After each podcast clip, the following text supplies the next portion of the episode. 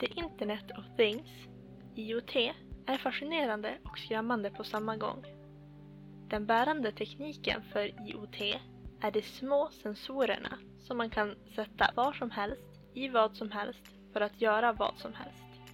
I dagsläget finns den här tekniken bland annat i smartphones, fitnessarmband, röststyrda hemsystem med mera. Och man räknar med att detta kommer att vara vardagsteknik inom fem år. När det kommer till IoT så är det bara fantasin som sätter gränser. Hur våra liv och tekniken kommer att se ut om 5, 10 eller 20 år vet vi helt enkelt inte. Det enda vi vet är vart den är på väg och det är just mot IoT. IoT är kort sagt allt som kommunicerar information antingen direkt till människan eller maskiner emellan.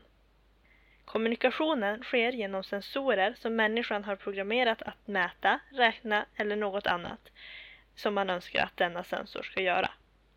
I dagsläget utvecklas den här tekniken, men ett användningsområde är bland annat att mäta temperaturer, men även vardagssaker som att låsa upp bilen eller tända och släcka lampor via mobilen och att använda ett fitnessarmband som mäter aktivitet och som samlar informationen på din mobila enhet.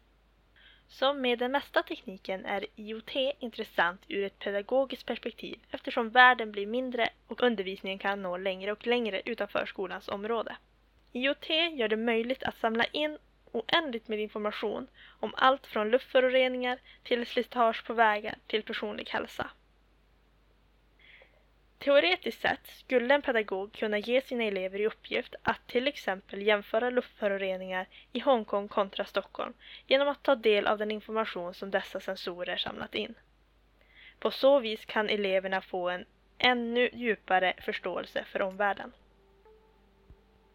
Trots att denna teknik till viss del redan finns i vår omvärld tror man att det kommer dröja till 2020 innan detta ses som vardagsteknik och något som kan användas av alla. Och för att detta ska bli en verklighet i skolan krävs det fortbildning i IT och IoT för lärare samt att alla elever har tillgång till datorer och internet. Därför tror jag också att det är viktigt som förberedelse inför framtiden att införa kodning i undervisningen. Då denna kunskap att förstå tekniken i framtiden kommer vara lika viktigt som att kunna läsa, skriva och räkna.